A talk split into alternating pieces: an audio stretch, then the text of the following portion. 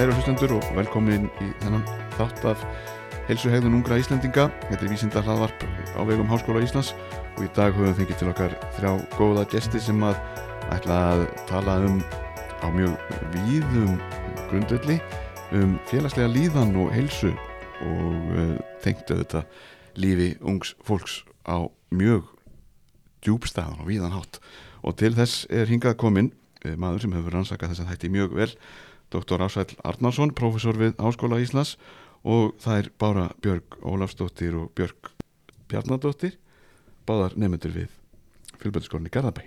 Velkomin öll þrjú og gaman að sjá okkur. Takk. Takk. Við, ég ætla nú að byrja því að fá að varpa fram fyrstu spurningunni. Eh, Er, eh, Ásvæl, eru þessir þættir, þessir félagslegu þættir meira rannsakaðir í nútímanum heldur en áður hefur verið? Já, algjörlega. Það er meira að segja þessir svona þættir sem að okkur finnst hafa fyllt okkur lengi eins og eineldi að það er ekki nema kannski 30-40 ár síðan að einhver fóra, síðan að það fegst nafna á þetta sko, fyrirbæri og, og svo þú veist, fóru, fylgdu rannsóknir í, í kjölfæri. Þetta er, þetta er tilturlega þessi pæling um sko heilsu og líðan úrlinga er mjög nýja nálinni í raun og veru. og fyrirbærið unglingur í rauninni, Já, já. það er ekkert mjög gamalt. Nei, alls ekki og, og þessi sko skilgreining á því hvernig maður, sko, hvað er, hvernig æfi skeiðið skiptist upp hefur náttúrulega breyst gríðarlega mikið. Já. Og er alltaf að breytast. Já, já, já, heldur áfram að breytast. Nú erum við til dæmis komið með sérstakann sko flokk sem eru þessi sko eftir úlingsárin svona, en áður um að verður alveg fullóriðin sko, það er svona for fullóriðins ár sem að kannski eru fram, fram þangað til að maður er 25 ára. Já, það er átti langu tími. Já, þetta er, þetta er löng æska. Já, gott að fá að njóta hérna líka. Já, já. En einmitt þetta, nú er til dæmis, held ég hafi heyrt hjá einhverjum vísindamanni að heili fólks væri, til dæmis varandi rökhugsun og annað, væri ég vel ekki orðin full þroskaður fyrir en einmitt um, um þetta leiti, svona upp úr því sem að maður verður 25 ára. Já, og þá fyrir hann bara að hörna. Já, svo, hugsa sér, þannig að skott að njóta þess að 25 ára bara. Já, það er ákveðin, ákveðin þættir í, í heilanum sem, að- sem að þroskast ekki fyrir maður svona um upp úr tvítu og Mm. það er aðalega, hefur aðalega með svona þessa ákvarðanatöku eða svona svæði sem að liggja hérna framalega í heilanum fyrir ofan augn, augn umgjörðina að það, það, þeir þættir þroskast ekki alveg og þá, þá þýðir það að maður kannski tekur aðeins meiri áhættu þegar maður er ungur og hérna og kannski já, hugsaður ekki alveg alla hluti fram í tíman sko. Maður er kvadvísari kannski er það bara ákveðin kostur líka þegar maður er ungur, ég veit það ekki. Já, það verður kannski til þess að maður gerir þá frekar eitthvað sem ma- mann langar til Já, algjörlega og, og, og lætur þá bara skeika sköpuð og annarkvort texta eða texta ekki. Nei, nei, algjörlega, ég meina það, það er auðvitað þannig að, að hræðsla er mjög svona uh, það, það er mjög hamlandi tilfinning, ekki sétt? Það held ég. Eru þið einhvern tímann rættar við ákvörðantökur, stelpur? Uh, já, alveg stundum, en já. Já, ég myndi segja það. Já. Hvað þá helst? Um, Það er svona stóra ákvarðanir, þú veist, sem að veit að gæti haft slæmar afleggingar, já, mitt. en mann langar að gera það og þú veist, maður er samt ekki alveg viss. Þetta eru líka, það er, það er svo mikið af stórum ákvörðunum einmitt sem maður þarf að taka á þessum tíma sko. Og það er svolítið skemmtilegt að við erum með tvær kvenkins, uh, tvo kvenkins neymarindir eða vegna þess að strákar eru lélegri í þessu heldur en stelpur. Strákar eru yfirleitt kvartvísari og verri í ákvörðunum. Ég veit ekki hvort þið tekið við það. Já. Ég teki alveg við það. Já, En það er ímyndslegt einmitt sem þá gerist líka þessar ákvarðanir tengjast líka svona félagslegum þáttum samskiptum fólks og hvernig það kemur fram við annað fólk Eh, fólk á þessum aldrei gerir sér kannski ekki alveg grein fyrir því til dæmis hvaða afleðingar það hefur að stríða, vera leggja einhvern í einelti eins og það nú heitir í, í samtímanum og uh, segja eitthvað sem að geti jafnvel sært Vel, er, fólk ekki að velta fyrir sér afleðingum orða sinna og gjörða? Jú, jú, jú, jú, og flestir sko, á, uh, sko það, er, það er þannig að, að ég er með mjög stóra rannsók sem við gerum, leggjum fyrir alltaf á fjárára fresti í einhverjum 50 löndum og þar til dæmis mælist Ísland alltaf langlægst í einelti.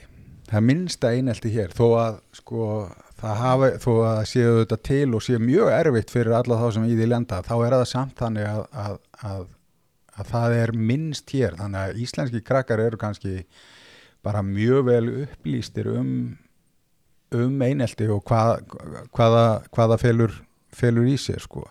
En ég held stundum að, að það er bara þannig og ef, ég, ef við sko gömlumenninir hérna rifjum aðeins upp sko, þá er það stundum sem maður hugsaður tilbaka og, og, og það var einhvað svona, það stundum svo rosaleg stemning. Það er svo mikill einhver svona hormónaflæði og einhver svona læti og galsi að þá verður oft svona svolítið stemning það sem að maður verður missir aðeins svona hömlutnar gagvart öðru fólki og fyrir að segja stundu bara við vini sína einhvað svona sem að kannski er ekki alveg mm alveg í lægi svona eftir á að higgja og svo kunna þeir sem fyrirverða ekkert endilega breyðast við því e, reyna ég að flissa með að svona taka þátt og, og þá áttar sá sem að lætur þetta vaða ekki á því að þetta geti verið særandi og heldur ég að vilja áfram að nota þetta já, já. og í sífellu og, þetta getur ég að vel ég þekkið bara dæmið það sjálfur nú vil til að við vorum einu sinni strákar og þið höfum nú stelpunar hérna að uh, þetta var til vinslita já, já, bara á endanum, já, það var bara varð of mikið.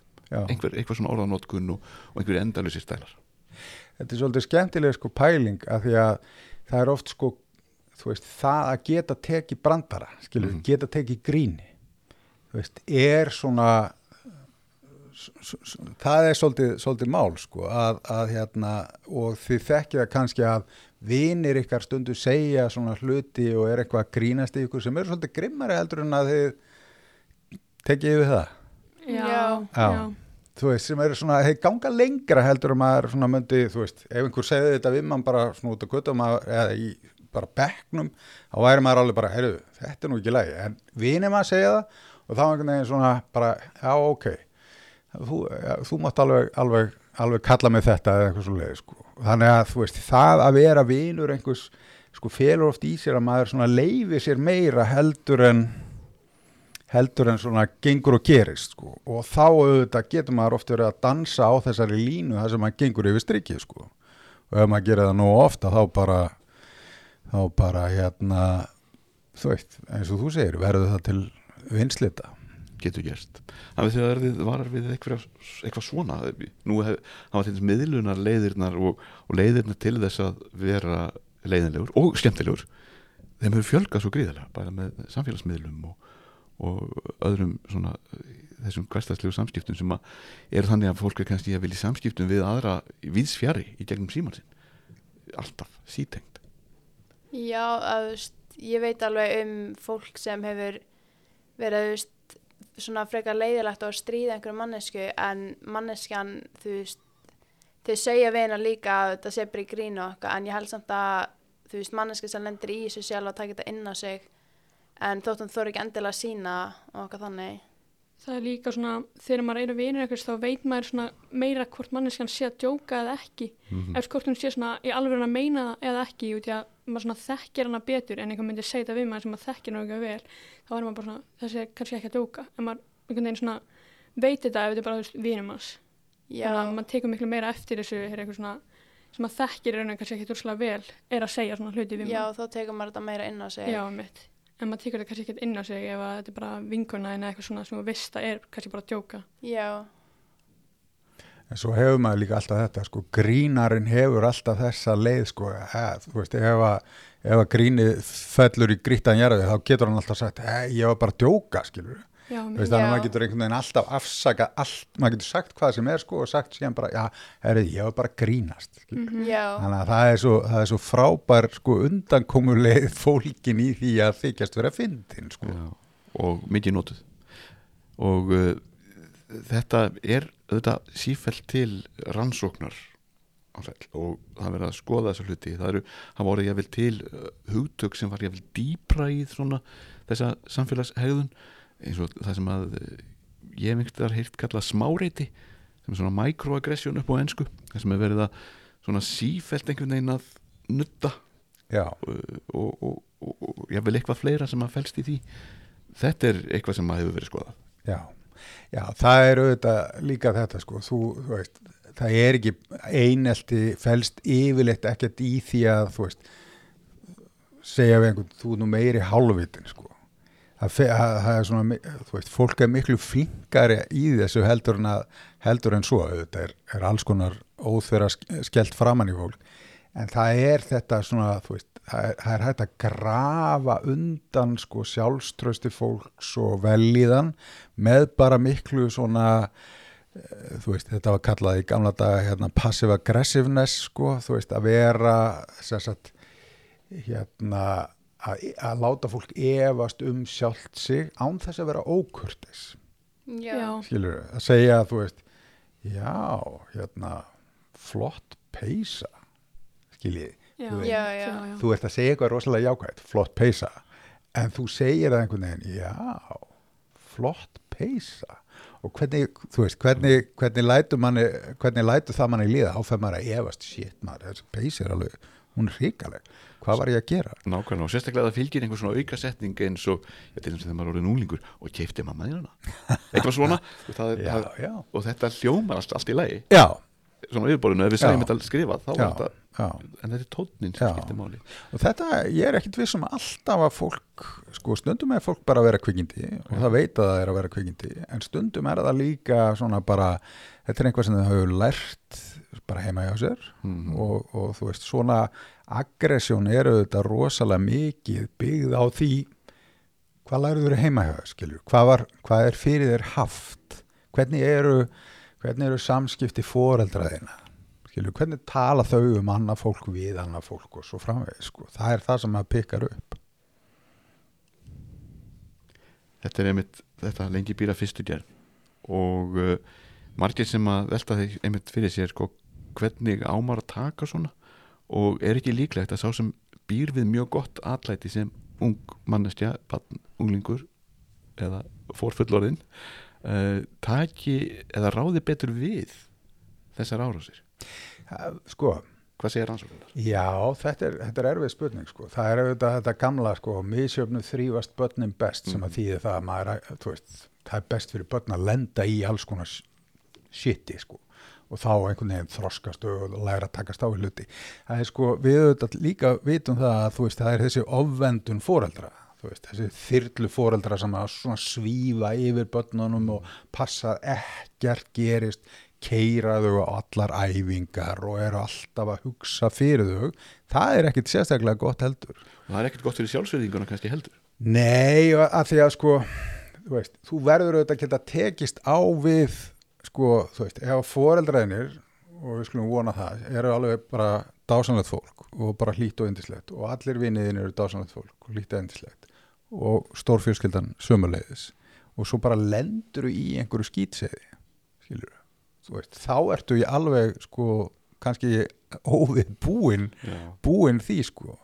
Og það er, það er líka til dæmis það sem ég held að skipti rosalega miklu máli, það er þessi sko bann á bann þessi samskipti sem að börn sko tilenga sér bara veist, í leikjum og alls konar svona hlutum sko þar sem þú þarft svolítið að standa með sjálfum þau þú þarft líka að taka tillit og það þurfa að vera ákveðna reglur til dæmis, ég meina þegar við spilað fótbolta og þú veist, það er ekki dómari skilur við, það verða bara allir að veist, þegar þeir brjóta á eða eru veist, skjóta fram, missa boltan út fyrir línuna eða eitthvað svolítið, það verða bara allir að viðurkenna það þegar það gerist.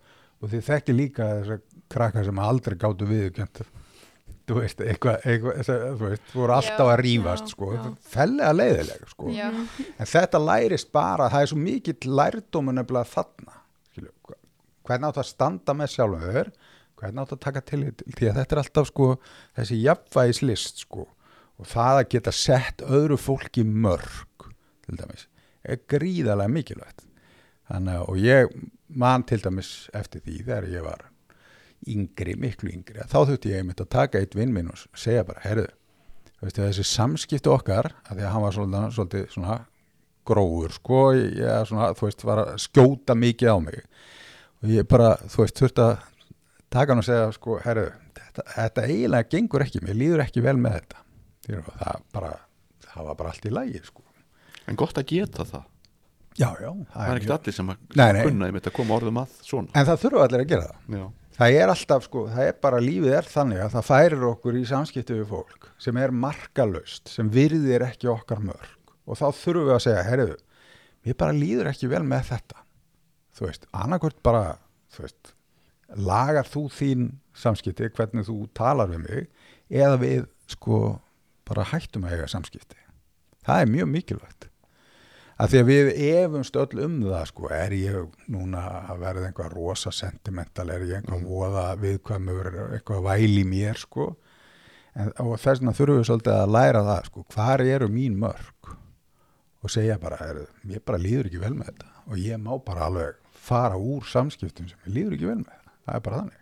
Já, ég held að það sé veist, auðveldara að fara veist, sem þú er ekki að segja við vin sinn þú veist, ef þeim líður ekki vel hvernig þeir koma fram við mann að þeir hætta á frekar að vera með manneskinni til að forðast þetta samtal, þú veist ég held að það sé auðveldalegin út úr þessu Það er enda líka mikið núna í gegnum samfélagsmiðla. Fólk er bara tætt að, veist, segja bara í gegnum samfélagsmiðla í staði fyrir að tala við fólk í alvörinni. Það er að meira að segja, þú veist, bara eins og Instagram eða eitthvað, ég ég, ég, ég get ekki verið vinið lengur eitthvað þannig, í staði fyrir að koma bara og segja manneskinu að þau eru að segja í gegnum samfélagsmiðla því þú eru ekki að gera í alvörinni. Já, finnst það miklu erfæra Já, þú veist, tala við hana bara svona. að þurfa að horfa á hana Já. já. og það er miklu erfara og maður má alveg gera þetta gegnum samfélagsmiðla. Það er alveg, það er alveg í, sko, maður þarf ekki alltaf að vera einhver hetja sem að hugsa um, já, ég ætla að gera þetta fallega, ég ætla að, þú veist, eh, þú veist segja þetta auglítil til auglítil sem maður má alveg vera, bara að segja bara, er, mér líður bara ekki vel með þetta, bara, sorry en það er líka, sko, þetta, sko það er alltaf þetta að maður þarf að reyna, ef maður getur, að setja svona kærleiksrík mörg, skilur Já. þú veist, að láta, þú veist, ég ætla að setja þessari manneski mörg, ég ætla ekki að láta henni líða illa ég er auðvitað, mann líður alltaf illa þegar vinnum mann segir að maður vil ekki vera vinnur hans en Já. ég ætla að reyna að gera þetta og segja bara, þú veist, þetta er bara einhvern veginn, ég einhvern veginn þrýfst ekki vel í þessum samskiptum og við bara verðum að að enda þau og bara gangið þér allt í hæginn, sko. Já. En tímir maður því alltaf. Stundum er vinurinn góður að flestu leiti nema kannski einhverju svona sem er, kemur upp af og til. Einhver leiðindi. Eh, þannig að e, þá er jafnvel hægt að koma hinn úr skilabóðum sko, þú ert æði en viltu gera svolítið að hætta þessu? Já, þetta er þessi gamla hugmynd sko, þetta, þetta minnir mér svolítið á það sem var sagt um sko hjónabandi mm -hmm. Að sko kalla gengi hjónaband vonandi það að sko konuna breyttust aldrei og konur gengi hjónaband sko vonandi það að, að maður myndi breytast sko. einhver tíma loksins. Já, en veist, það er líka það sem við verum að átt okkur á að við erum ekki sko, við erum ekki til þess að breyta öðru fólki, annað fólk er bara eins og það er og það sem við getum gert er bara ráðið því hvernig við látum annað fólk hafa áhrif á okkur, við getum svolítið svona upp á ákveðnu marki.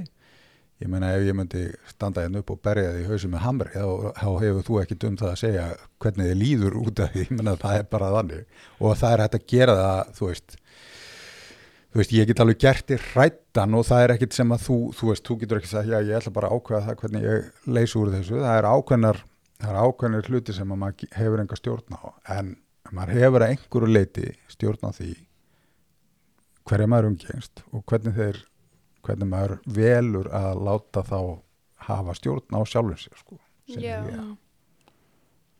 En þú nefndir eitt mjög áhugavert aðan sem svo við förum nú aðeins út úr eineltis og svona þessari líðanar umræði í billi en ég veit að þær báðar hafa fjöldan að spurningum í huga og eftir.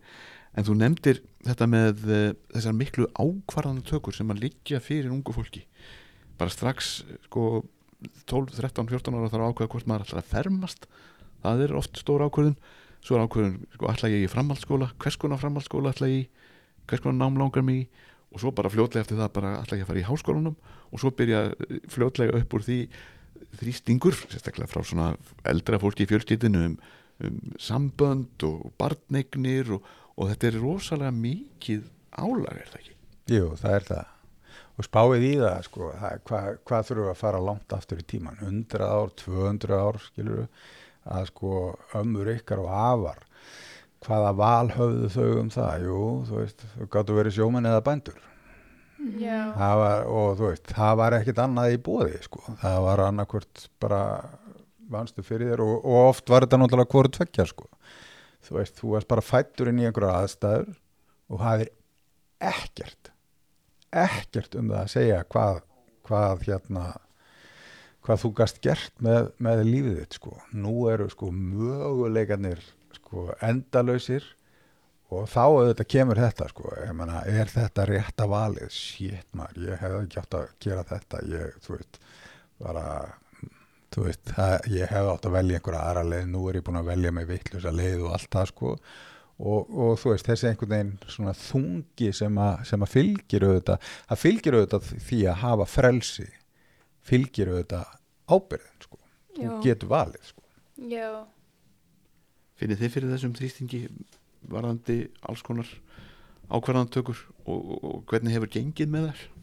Um, já, maður finnur alveg fyrir þrýstingi eins og þegar maður er búin með grunnskóla að þurfa að velja veist, framhaldsskóla hvað maður vill læra og veist, að því það stjórnar þú veist líka hvað maður vill gera í framtíðinni að þannig og við það að komast inn í háskóla þannig það er alveg erfitt að þú veist, taka svona stóra ákvarðanir.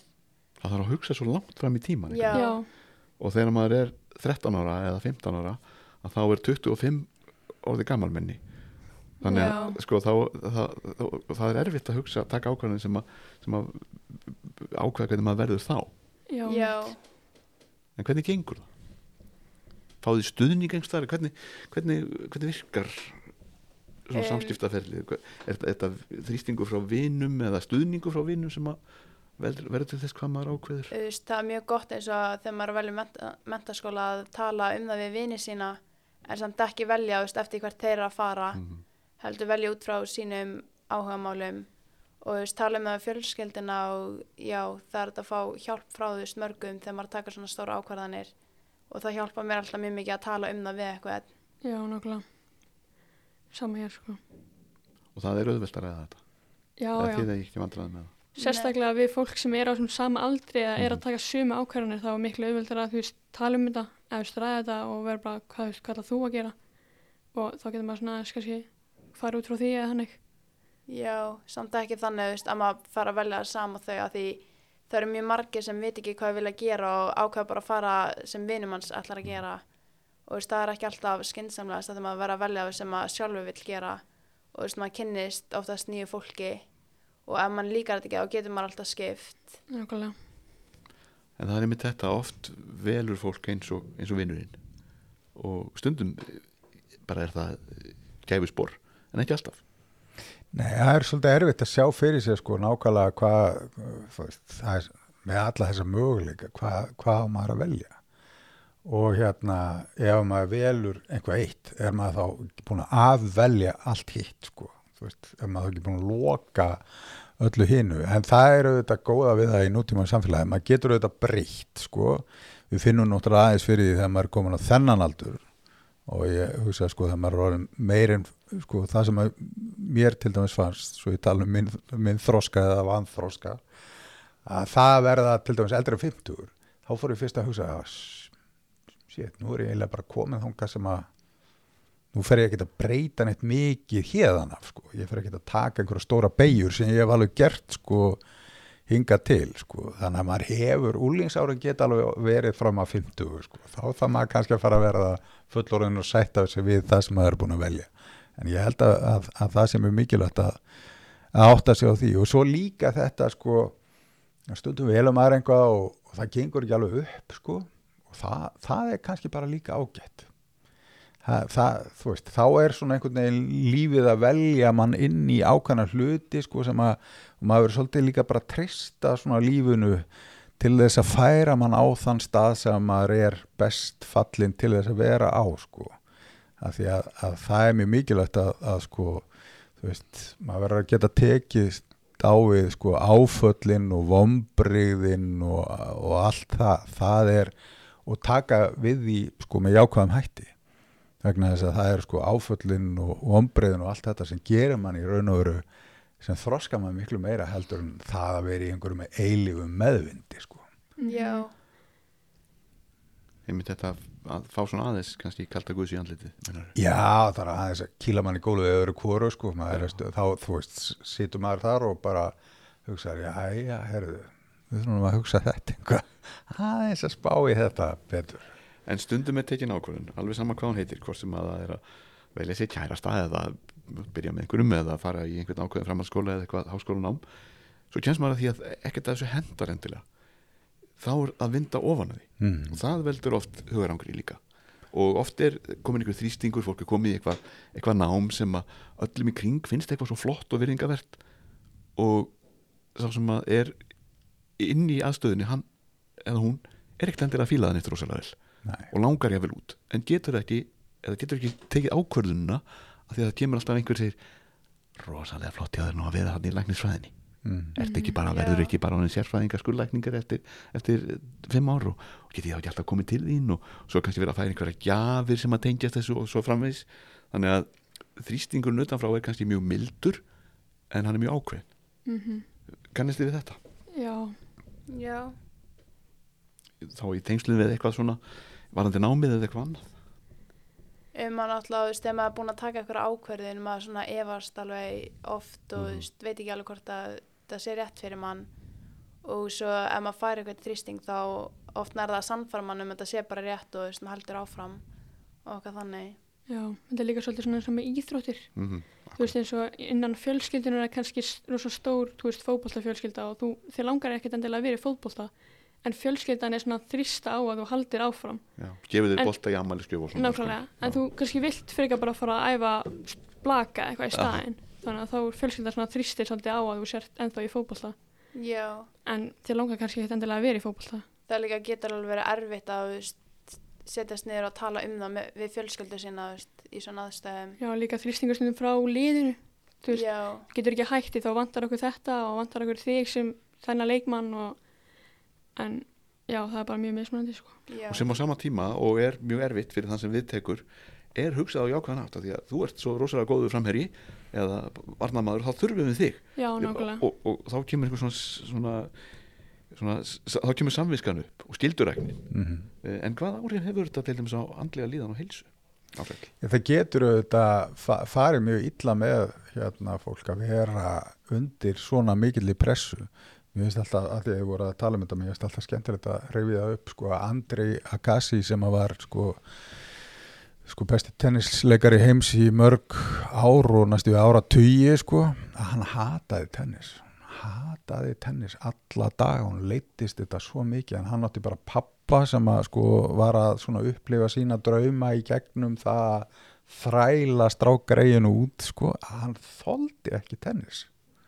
Lögu, þannig að við þurfum alltaf að, að sko, og þetta er auðvitað bara, sko, það sem gerist líka á, sko, úlíðinsárunum sem er svo merkilegt er það að þó að við þurfum rosalega mikið á fóröldurum okkar að halda, við þurfum ofsalega mikið stuðning frá fóröldurum okkar, að þá förum við samt að rífa okkur í burtu frá þeim, við förum svona, veist, leggja meira eins og þeir eru að tala um að tala við vini um framtíðar áform og svo leiðis, það er bara, þú veist, eðlilegu hluti að því að verða sjálfstæður einstaklingur.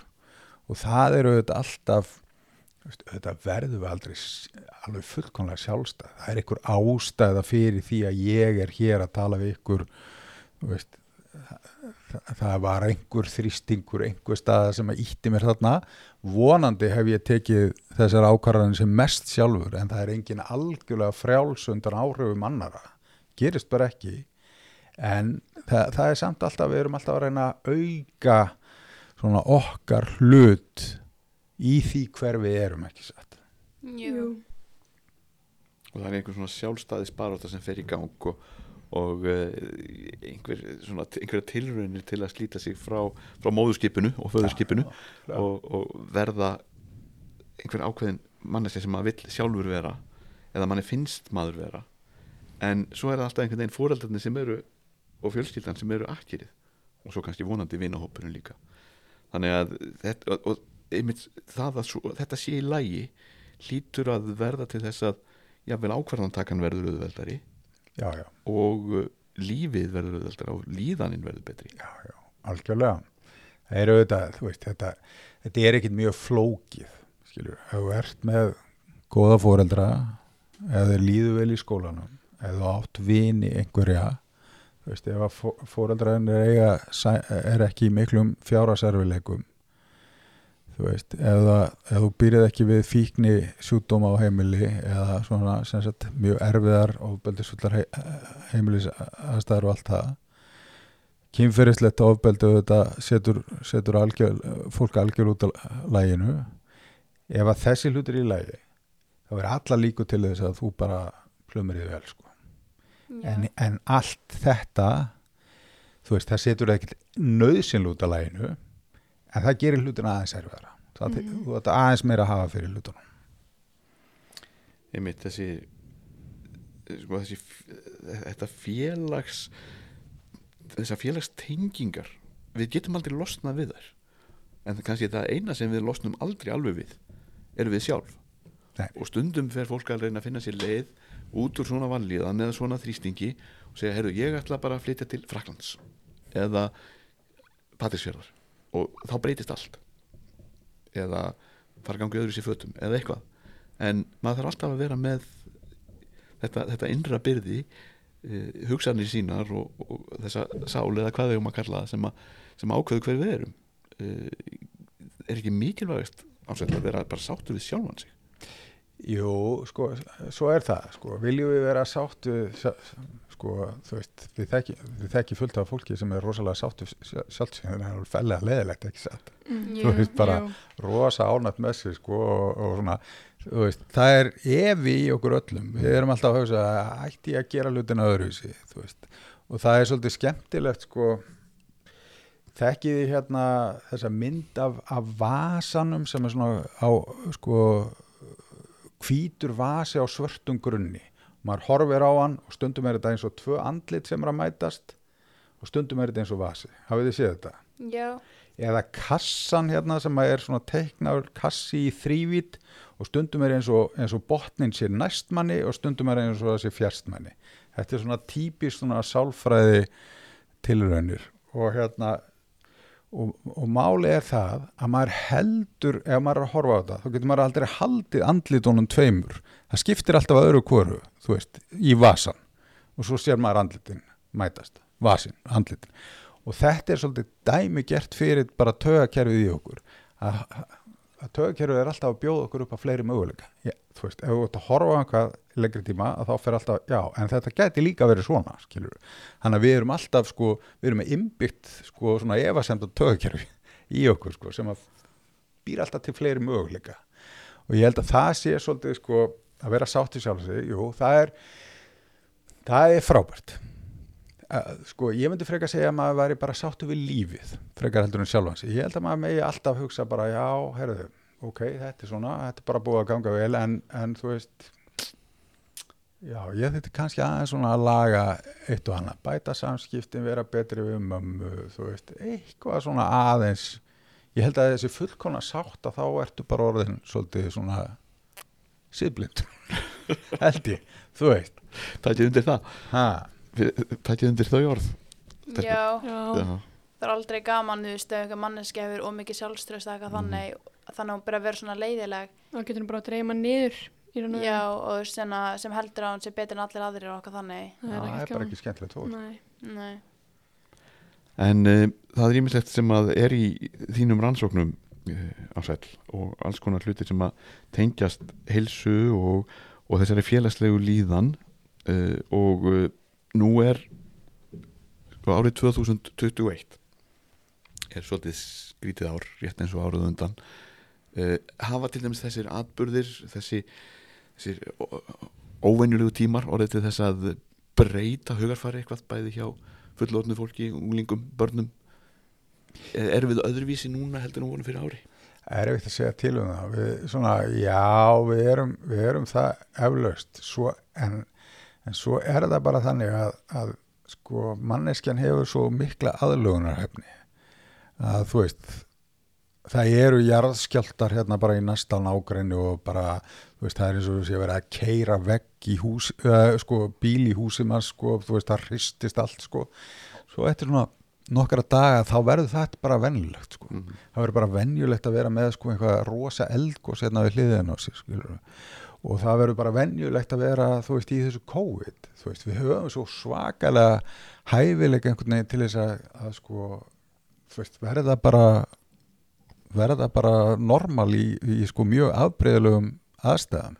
Fólk hefur orðið bara lifa mjög normal lífi svona innan sinna viðbanda, innan síns hóps. Ég vil í hræðilegri aðstæðum Já, algjörlega. Það, það, þú veist alvegunarhæfni okkar er ótrúlega. En, en auðvitað held ég að við finnum öll fyrir því að við höfum breyst aðeins. Við, við finnum það bara þegar við fáum tækifæri til þess að hitta fólk skilur, þetta er ekki alveg eins og þetta var áður veist, það er einhvern veginn þetta er ekki eins sjálfsagt bara. að maður, maður, maður fá að, að, að, að hitta fólk og tala við það auglítið til auglítis það, þannig að en við höfum sjálfsagt eftir að bara veist skoða þetta þegar að fram í sækir svona hvaða langtíma áhrif hefur þetta. Það eru þegar hafnar ákveðna rannsóknir svona grunn rannsóknir til þess að já, samla gögnum og, algjörlega fullt af rannsóknum skilur við. en þú veist, ég meina Íslendingar upplýðu efnarshrun hérna 2008 þú veist, það, það var hræðilegt. Maður bara hugsaði, shit, ég þarf að vera að rækta rollur hérna einhvers staðar bara til að hafa ofan í mig og á. Gulrætur og kál. Gulrætur og kál sko. þetta, það er bara ekkert til. Þetta verður bara allt, þetta fer allt til lóðbind til anskotan sko. svo bara gerir það ekki og þú veist við einhvern veginn sko bara lærum að lifa með þessu og tuðum aðeins lengur heldur en við tuðum. En, en þú veist, sjáu þið Ísland hérna fyrir COVID skilur, allt bara uppgýrað og, og bara sama vittlisann komin í gang. Þetta rettaðist. Þetta reddast allt saman. En einmitt það að vera í framhaldsskóla á þessum óvinnlegu tímum þar sem fólk getur varla hist nema þá í og þetta hjálpar tæknin okkur í dag. Ég var nú aðeins að velta því fyrir mér í fyrra einhvern tímann hvað hefði nú ef að, ef að COVID hefði komið 1980 þar sem við höfum enga möguleika á því að vera svona saman án þess að vera saman í gegnum alla þessa samskipta miðla og, og þessa nýju tækni eins og Teams og, og hvað þetta heitir nú allt saman. En hvað áhrif hefur þetta svona á líf framhaldsskólanumars? Uh, þetta er náttúrulega þú veist, maður náttúrulega hittir ekki vini sína á bara mestu samskiptin sem á við annað fólk fari gegnum netið og samfélagsmiðla okkar þannig. Og þú veist, maður svona nennir ekki alltaf jafn mikið að klæða okkar þannig á mótnana að því maður er ekki að fara út. Og svo náttúrulega gæti maður ekki hreift sig að neitt út af, þú veist, já nema bara að fara út einn en ekki, þú veist, með vini sínum. Þannig já, Þetta hafði líka svolítið mikil áhrif á, þú veist, nýnema í framhaldsskólum út af því að þeir eru bara að koma nýri inn, þek, þekkja kannski bara tvo í skólanum og þekkja engan kennara en eitt og þeir eru bara skellt í eitthvað netskóla þannig að þau bara, þú veist, þau voru kannski í þessu tíundabekk en þau þekkja engan innan skóla sem miklu erfiðar að, þú veist, ná sambandi við kennara og þannig þau kunni ekki á skólan. Já, hafa ekki svona eitthvað til að spyrja veist, með sér í tíma því Já, að nákvæmlega. maður er ekkert að kynnast þannig Nei. þetta er bara að kenna hann að tala og svo allir hinn að hafa hljóð og svo bara fara allir að læra í sínu Þetta var þægilegt að fá kannski svona, við fengum eitthvað hvað, tvær vikur í byrjun ársins Já, náðum að kynnast kannski mögulega þremur krökkum og við þurftum bara að vera vinið þeirra í gegnum þetta COVID. já, þá var náttúrulega tveggja metra reglan og allir með grími og Já, veist, mitt. Þetta var svolítið skrítið. En um, sumum líkar þetta Já, sumum finnst bara þægilega að vera heima á sér og líka þú veist, að gera þetta bara svolítið á sínum eigin hraða og vera ekki kannski með þessa miklu pressu að vera að mæta í skólan og hverjum degi og hitta fólk og já, sumum finnst bara þægilega að vera einn heima á sér að gera þetta. já, þetta er, þetta er áhugavert Já, er það, auðvitað, þetta er, þetta er rosalega skrýtnir tímar, sko. það, það eru það, en við erum svo sem, sko, mannfólki er alltaf að lifa í gegnum, sko, skrýtna tíma. Þú veist, ég meina, það er ekkit langt síðan að, þú veist, hér var, sko, stærsta eldgós sem að, sko, á sögulegum tíma, þú veist, hugsaðu ykkur það, sko, þú veist, bara, bara, bara 200 ár síðan sko að, að þú veist, hér var sko flætti hraun sem að var sko 12 held ég hérna ferkilóm, nei hérna ekki ferkilometrar, sko heldur, heldur rúmmetrar, 12 kilometrar sem sagt 12 rúmkilometrar við værum með kassa sko sem að væri 12 kilometrar upp í loft 12 kilometrar þess átt 12 kilometrar sem flætti yfir landi sko og hérna og fólk bara einhvern veginn náða að lifa það af sko. Já, margir Já, nei, alls ekki allir. En ég meina uh, þú veist langafar eitthvað og langafumur, þú veist, liði gennum stríðið og kreppuna miklu og þú veist, það er svo sem við erum náttúrulega svolítið gerð fyrir það að takast á við erfiða hluti, sko, það er alveg þannig. lífið er alltaf töff. Já, Þetta það er, það, er, það er svolítið þannig. En, en þetta er auðvitað svolítið sérstök þetta er svolítið sérstakar aðstæður vegna þess að til dæmis eins og í framhaldsskóla sem er svo mikilvægt þessi félagslegu tengsl. Þegar ég hugsa bara til þess að, að fólk sé að missa af öllu þú veist þessu félagslífi sem að sko skipti sko mig nákvæmlega jafn mikið miklu máli og bara námið sjálft sko. Og stundum meira. Ég, ég ætlaði að fara að segja það sko það er næstu því að það skiptir mig meira máli. Að þá er það auðvitað ofsalega sérstætt að, að, að á þessum aldrei að missa, missa svo, þetta einhvern veginn. Það, það er mjög skrítið sko Já, það er líka oft sagt að þú veist, mentaskólaárin séu bestu ár lífsmanns og okkar þannig og þú veist, maður eignast þar vini sem maður mun eiga brút lífið.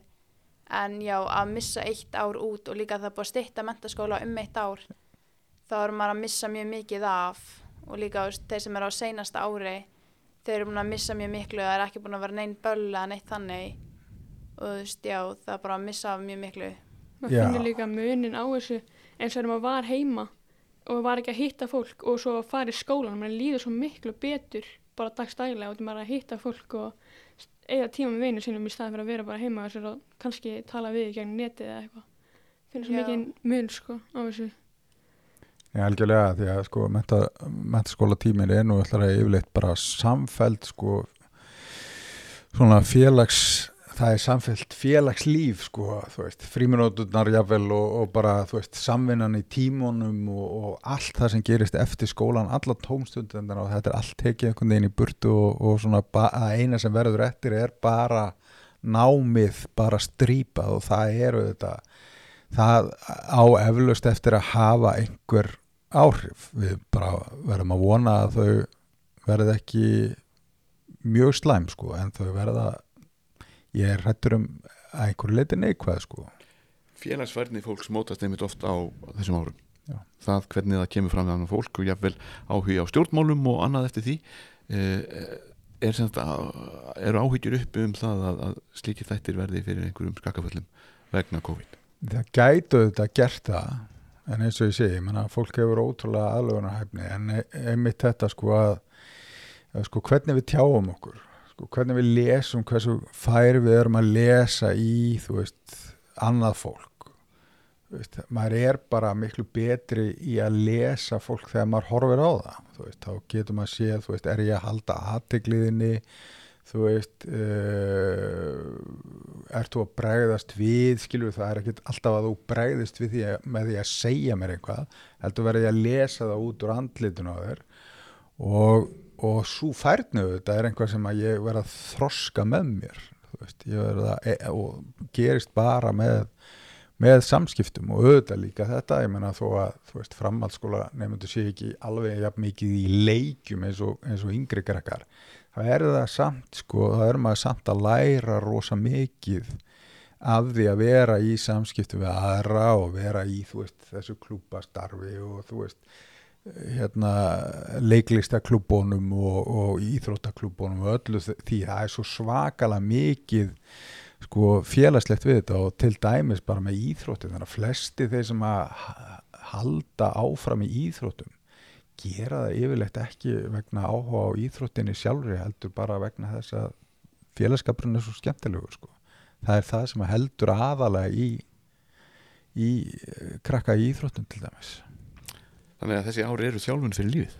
Já, algjörlega. Að risa, risa stór risa stór þjálfun af því að þú ert líka að sko brjótast í burtu frá foreldrónum aðeins svona fá, að, fá lengri taum sko. Og hérna og það er náttúrulega ef það er ekkert ef það er enginn sem tekur við þér sko ef það er enginn sem getur gefið þér færa á að reyna þig þá missur þú náttúrulega helling eitthvað sem að þið hafið um þetta að segja Bára og Björk? Mm, ég er bara alveg sammálanum og líka maður tekur alveg eftir að það er ekkert endilega allir kannski í íþróttum fyrir íþróttina. Þetta er meira bara svona til að hitta fólk.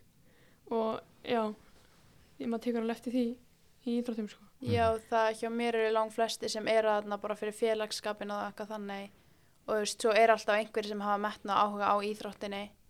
En er þú veist, já, Það er líka stundir sem að það er, þú veist, þú hefur bæði metnað og áhuga á íþróttinni og er þannig líka fyrir félagsskapin og það endar oftast svona bestu liðseldin og hannig, Mm. fyrir, veist, er að liðið er með bæði.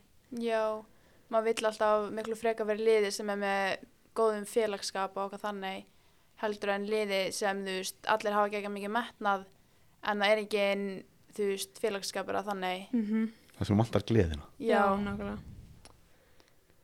Þetta er skemmtilegt, þetta er svo margt áhugavert í þessu og, og þetta eru einmitt þessi gríðarlega mótandi ár Mm. uh, eiginlega alveg frá barnæsku og, og, og fram yfir 25 ára og jafnvel til 50 sem þú sagðir áðan á sel en eitt nefndur áðan sem að mér finnst líka áhugavert og ég veit ekki hvort að, að það er bara og Björk hafi eitthvað áhuga á því en, en þú nefndi svona þessa bómullar foreldra Mm. ég er kannski ekki verið að endilega kenna börnunum um það uh, og unglingunum en er þetta eitthvað sem er tiltölu nýtt það er að þurfa alltaf að vera einhvern veginn að styðja börnin sín um of og jafnvel að þú nefndi nú að stundum þurfi börnin og unglingarnir að fá að leysa málinn sín á milli á sinn hátt að uh, ég hef nú orðið var við það í kringum mig til dæmis uh, svona allavega þegar börnin voru yngri að uh, foreldrar vildu ég að vera fara að skipta sér af einhverjum ágreiningsmálum barnana sinna Mhm. Það er mjög hvað segja fræðinu um þetta? Já, það, sko foreldrar í dag eru betri svona heldina tekið það er náttúrulega alls konar fólk inn e, e, þar í þeim hópi en yfir, yfir heldina þá eru foreldrar miklu betri en þeir voru. Þeir hafa meiri tíma það minni, minni vinna við, við erum náttúrulega þeir ken, svona likla barna kynnslóðinni sko, sem að var bara með, sko, sendi skóla með líkilum hálsin og, og svo bara eh, opnaði maður fyrir sjálfum sér og maður græjaði sér þú veist matinn þegar maður kom heim og, og svo voru foreldrarnir kannski að vinna bara fram á kvöld sko. Allir að byggja sín hús og, og vin, vinnandi fram eftir, fram eftir öllu. Þannig að, að þetta hefur, hefur breyst mjög mikið. Foreldrar eru miklu betur upplýstir uh, þeir eru miklu færari um það að tjá tilfinningar sína heldur en að okkar foreldrar voru en þetta getur auðvitað farið of langt sko. þetta er alltaf þessi millivegur það er nefnilega leiðilegt við lífið sko. það er aldrei hægt að gefa hann einn einföld svör sko. það þarf alltaf að vera uh, einhvers staðar að dansa einhvern línudans sko. þannig að ég held að, að sko, við sjáum það alveg að stundum er krökkum ekki gefið nógu mikið svigrún til þess að sko, að taka ákvarðanir leysa úr málum af því að þau þjálfast, þú getur sko, ef, að, ef að þú hefur gengið í gegnum sko, allan annan tíma og alla þínar ákvarðanir hafa verið tekna fyrir þig og þú hefur sko ekki lent í neinu sem þú þurft að þjálfast í þá þetta kemur þú svolítið óundir búin í, í lífið og þetta eru þetta sko þó fóræðar séu betri í dag þá eru þau líka hrættari það er, er rosa hræðsla í fórældrum við það hvað gæti gerst. Þrátt fyrir það að að sko líf barna er miklu örugara heldur en það hefur verið sko nokkuð tíman nokkuð tíman sko. Og, en þá er, þá er bara samfélagsmiðlarnir, aðrir fjölmiðlar og svona, það er alltaf verið að fylla foreldra af óta og þau, þegar að óttin nær tökum á manni þá uh, uh, gerir maður oft svona, þú veist, þá, þá fer maður í, í sko ranga átt. Og að því að það er svo nöðsynlegt að, að krakkar fái fái þessa reynslu, þú veist, það er nöðsynlegt, ég meina, lífið er bara svo mikið sko mótlæti og vombriði og vesen og, og allt svo leiðis og maður það bara læra að takast á við það og maður þarf að læra að finna einhverja svona merkingu í því og, og, og svo framvegið sko þannig að við meðum ekki taka það af krökkunum Tengið þið við þetta? Já og ég er alveg sammála með að maður þarf að finna svona millivegina þannig, veist, af því ég veit alveg um krakka sem eiga mjög stranga fóreldra að svona taka ákvarðan okkar fyrir þau og það er svona, já, og þegar vinahópurinn er allir úti og maður það kannski að fara fyrstur heima eitthvað þannig það er náttúrulega aldrei gaman eða þú veist, svo er ekki heldur gott ef fóreldra leifum manni bara allt og eru sama hvernig maður komið heima okkar þannig. Já, ég er alveg samanlega tekur líka eftir þessu þeir krakkar sem eru svona eiga svona bómiðla fóröldra sem eru bara að passa upp á þig og bara gera allt fyrir þig og gefa þeim allt sem þau vilja. Þau eru miklu meira svona get ekki tekið þessar ákvarðanir í framtíðin eða kemur að því skilur að velja mentaskóla þá einhvern veginn eiga þau erfiðara með það að gera það eða fara í framhaldsnámi eða eitthvað svoleiðis maður sér alveg munin á þessum krökkum þegar þú veist kemur að því að taka ákvarðanir og þannig framtíðinni og þannig og eins líka eitthvað bjátar á eða kemur eitthvað mjög alvarlegt upp á. Já mitt og það er nú bara því miður þannig að fóreldrar manns verða ekki með manni að eilífu. Mitt og, og það væri svolítið kjánlegt að þurfa að ringja í mömmu og elli heimilið nýraða og um 50 eða 60 og byrja hann um að koma að skutla í, í vinnuna eða eitthvað. En það er með þetta að hafið einhver tilfinningu fyrir hvort að þetta sé sé of mikið þeim sem sé ykkar nær umhverfi að fóreldrar séu of, of gætnir með, með börnin sín og unglingana? Ég sé þetta ekki mikið nálat mér sko. En þetta er meira kannski en maður yngri. Já, Þú veist, svona áður maður fyrir mentaskóla þá er kannski meira að vera að passa upp á mann og þá ertu í grunnskóla og eins og með kennara. Þeir eru miklu meira svona passa upp um mann í grunnskóla svo fyrir mentaskóla, þú veist, það er aðeins öðru þessi meira Já. stökk, var, var það þá mikið stökk mikil breyting? Já, alveg svona semi sko, en Já. þetta var samt ekki þú veist, maður var alveg að búast við meira út í að kenna þeim voru alltaf að ræða mann svo mikið um þetta. Bara þetta verður miklu verðar að fara í mentaskóla það er enginn að passa upp á þetta eða þetta en þetta er í raun og er ekki þannig. Nei, það var sagt að bara öll ábyrði væri á manni sjálfum, þú veist, þegar maður færi mentaskóla en það er alveg, kennar er að minna mann á og þú veist, er að hjálpa manni og ef maður missir af einhverju þá er þeir alveg að gefa manni sensa en það var sagt bara í grunnskóla við mann að það er ekki gefni neini sensar og þú veist, það var stressa mann miklu meira en þurfti. Það er í raun og verið ekki þannig allavega hjá okkur sko. Kennarinn frekar svona að gefa leið svegrum í þetta sko ef maður missir af einhverju eða eitthvað svoleiðis, missir að prófið eða eitthvað þá gefa þeim alveg senn setna Já, Er þetta, nú spyr ég þig Álsæk, sem sérfræðing, er þetta holdt? Það að segja að vera til dæmis að, að búa til grílu úr framhaldi lífsins? Nei. Nei, nei. þetta, er falleg hugsun skilur við, þú veist, maður, þeir eru bara náttúrulega að reyna að sko að hjálpa krökkunum að taka ábyrða sjálfur sér sko, sem er auðvitað, við getum ekki mótmælt í að það er bara gott sko, en, en maður þarf svolítið að passa sig á því að, að mála þetta ekki of sterkum, sterkum litum sko. Það er svolítið þannig sko, við erum í svolítið svona ótt, ótta samfélagi, við erum rosalega hrætt við alla hluti sko.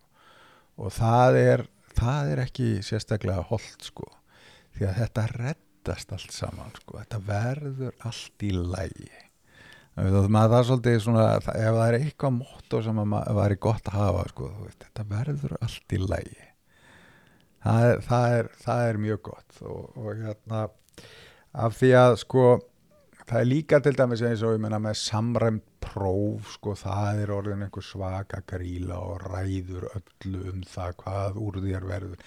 Er ekki þannig skilur þú getur alveg komist tanga sem þú vilt þó á klúðri samræmda veist, við þurfum ekki að vera sko alveg með öndin í hálsinum sko og það er veist, það- er bara veist, það, er all, það er allt í lægi að verða fyrir smá sko mótlæti, það er allt í lægi að vera kildur niður á niður á rassinu öðru kvoru og, og þú veist, þurfa aðeins að bara fara tilbaka. Ég held líka sko að, að það sem við þurfum að kenna ungu fólki sko er, er það að, að sko þegar maður horfir á einhvern sem er búin að ná alveg ferlega flottum árangri í lífinu, topp íþróttamæður eða topp, einhver fagmaður í einhverju eða fagkona í einhverju fóstjóri, einhver kona sem er fóstjóri einhver staðar sko að þá horfum maður á það og, og sko á tindin sko það sem að þetta fólk stendur og maður hugsa vá, þetta er æðislegt sko. En leiðin upp á tindin hún hefur aldrei verið bein sko. Það er aldrei þannig að maður bara lappi bara, bara rakleðis upp á tindin veist, þetta er alltaf þannig að maður hefur þurft að taka einhverja sko, já, herru, nú þarf ég að snúa við og fara tilbaka alveg heilanga leið sko og fara, prófa hérna og kannski gengur það ekki heldur upp sko og þá þarf maður að fara aftur tilbaka áður en að, að, að maður nær tindunum þannig að það, ég held að það sé líka að því að sko sko, þetta er eins og að klífa fjall í fyrsta skipti sko, sem að enginn hefur, þú veist, lífmanns er eins og fjallganga sem að enginn annar hefur farið í. Og það er ekkit, það er ekkit kort, það er enginn sem að segja manni nákvæmlega hvar þú veist, klettabeltið, ókleifa klettabeltið er og hvar maður þarf að snúa tilbaka til þess að finna þægilegri leið. Það er bara engin annar sem er búin að, að, að ganga þessa göngu og það fer enginn þetta fyrir mann? Það fyrir enginn þetta fyrir mann og þess vegna þarf maður líka að gefa sér sko bara svigrum þú veist, að, þú veist, þetta verður ekki allt saman bara bein leið. Þó maður sé með fjöldan allan að burðarmönnum með sér sem að reyna að hjálpa manni. nei, nei, nei, auðvelda, auðvelda fjallgönguna. Nei þeir hafa aldrei farað heldur sko. Akkurat. En það fer nú stýttast í þessu hjá okkur. Eh, er eitthvað sem að brennur á ykkur sem að þið viljið þjarma að ársæli með Nei. Nei, hann er nú svarað flestum uppfrætt okkur nokkur rækilega hér í dag. Mhm. það er þetta eitt sem ég langar kannski til að bæta við þetta sem múst að nefna áðan með, með þetta uh, það að, að maður þurfi að takast á við áföll. Nú er meiri sér að verið að reyna svolítið að halda einhverju einhverjum óþægilegum ef að segja staðrendum frá, frá fólki bæði ungu og eldra. Til þess með því að banna bækur og ákveðna kvikmyndir og, og alls konar hluti sem að eru óþægilegir úr fortíðinni. Þetta er svolítið pólitík í þessu en, en þurfum við ekki stundum bara að lesa eitthvað sem stöðar okkur til þess að átt okkur á því hver við erum og hvert við stefnum? Eftir að tala um litla svarta sambó og, eitthvað svona og, allar þessar stittur sem að verða að fella í fyrra sumar og, og, og fram eftir árin í fyrra og, og svona þessi fortíð sem að er til og hún hverfur ekkert þótt að eh, við reynum að henda henni í, í vatn? Nei, ég held að þetta sé stórhættulegt uh, af því að það einhvern veginn svona, þú veist, það að hvít þvó, sem sagt, alla söguna sko, er, er mjög, mjög hættulegt. Uh, ég þú veist, held að við getum alveg haldið fólki á lofti sem að gerði sko einhverja merkilega hluti sko, jáfnvel þó að það hafi verið sko mjög vafasamt siðferðilega á, að, að öðru leiti vegna þess að sko það er frábær bók sem heitir hérna Veröld sem var eftir hérna austurískan gýðing sem hétt Stefan Zweig sem að gerist á millistrís árónum sem sagt á milli fyrir og setni annars og hann er gýðingur þarna í, í Vínarborg og er svona menta snopp svona eins og, eins og ég og, og hérna og bara líður vel og hann á fullt af vinum og allt er í uh, rosa gangi og hann er rítuðundur sem selur fullt af bókum að mjög vinsalt hér til dæmi sko. Og svo allt í einu snýst þetta við sko. Og allt í einu verður hann bara þú veist offsóttur og engi vil þekkja hann og hann þarf að flýja og er bara auralaus og enda nú á því að fremja sjálfsvík kallar ræðvillin þegar hann er nú reyndar á flótta. Og þetta hafi mikil áhrif á, á mig að lesa þessa bók vegna þess að sko við megum ekki taka því sem gefnu að hlutinir verði alltaf eins og þeir eru núna veist, við höfum séð það alveg veist, það er ekkert mál að, að það komi einhverjir sko, það getur alveg gerst að komi upp einhverjar reyfingar hérna sem að fara allt í hún að að útskúa því sem við trúum á og, og hérna, berjast gegn öllu þessu frjálslindi sem við höfum. Og þá þurfum við að vera svolítið tilbúin og við þurfum að þekkja söguna og ekki bara þessa kvítfegnu sögu, við þurfum að þekkja við þurfum að þekkja alla söguna og, og að því að sagan sýnir að, að stundum eru sko hlutir sem eru og fólk sem er gott á einhvern einn hátt sko en er hræðilegt á annan hátt. Og, og þetta er bara mannlegt eðli. Og ef við ætlum að fara að búa til einhvað sko mannlegt eðli sem að er ekki til þú veist og skilja bara eftir fólki sem að er fullkomið þá bara lærum við ekkit af sögunni.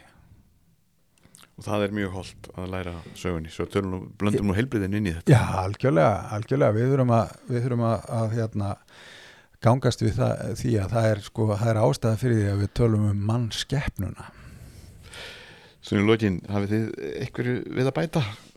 Ágætu nefnendur úr FG Bára, Björg og Björg Nei. Held ekki. bara finnst ykkur þið vita meira eftir að hafa hlustað á ásæl tala? Já, Já. það er þú er ekki að segja hana Mér sýnist þeir nú samt meina þetta.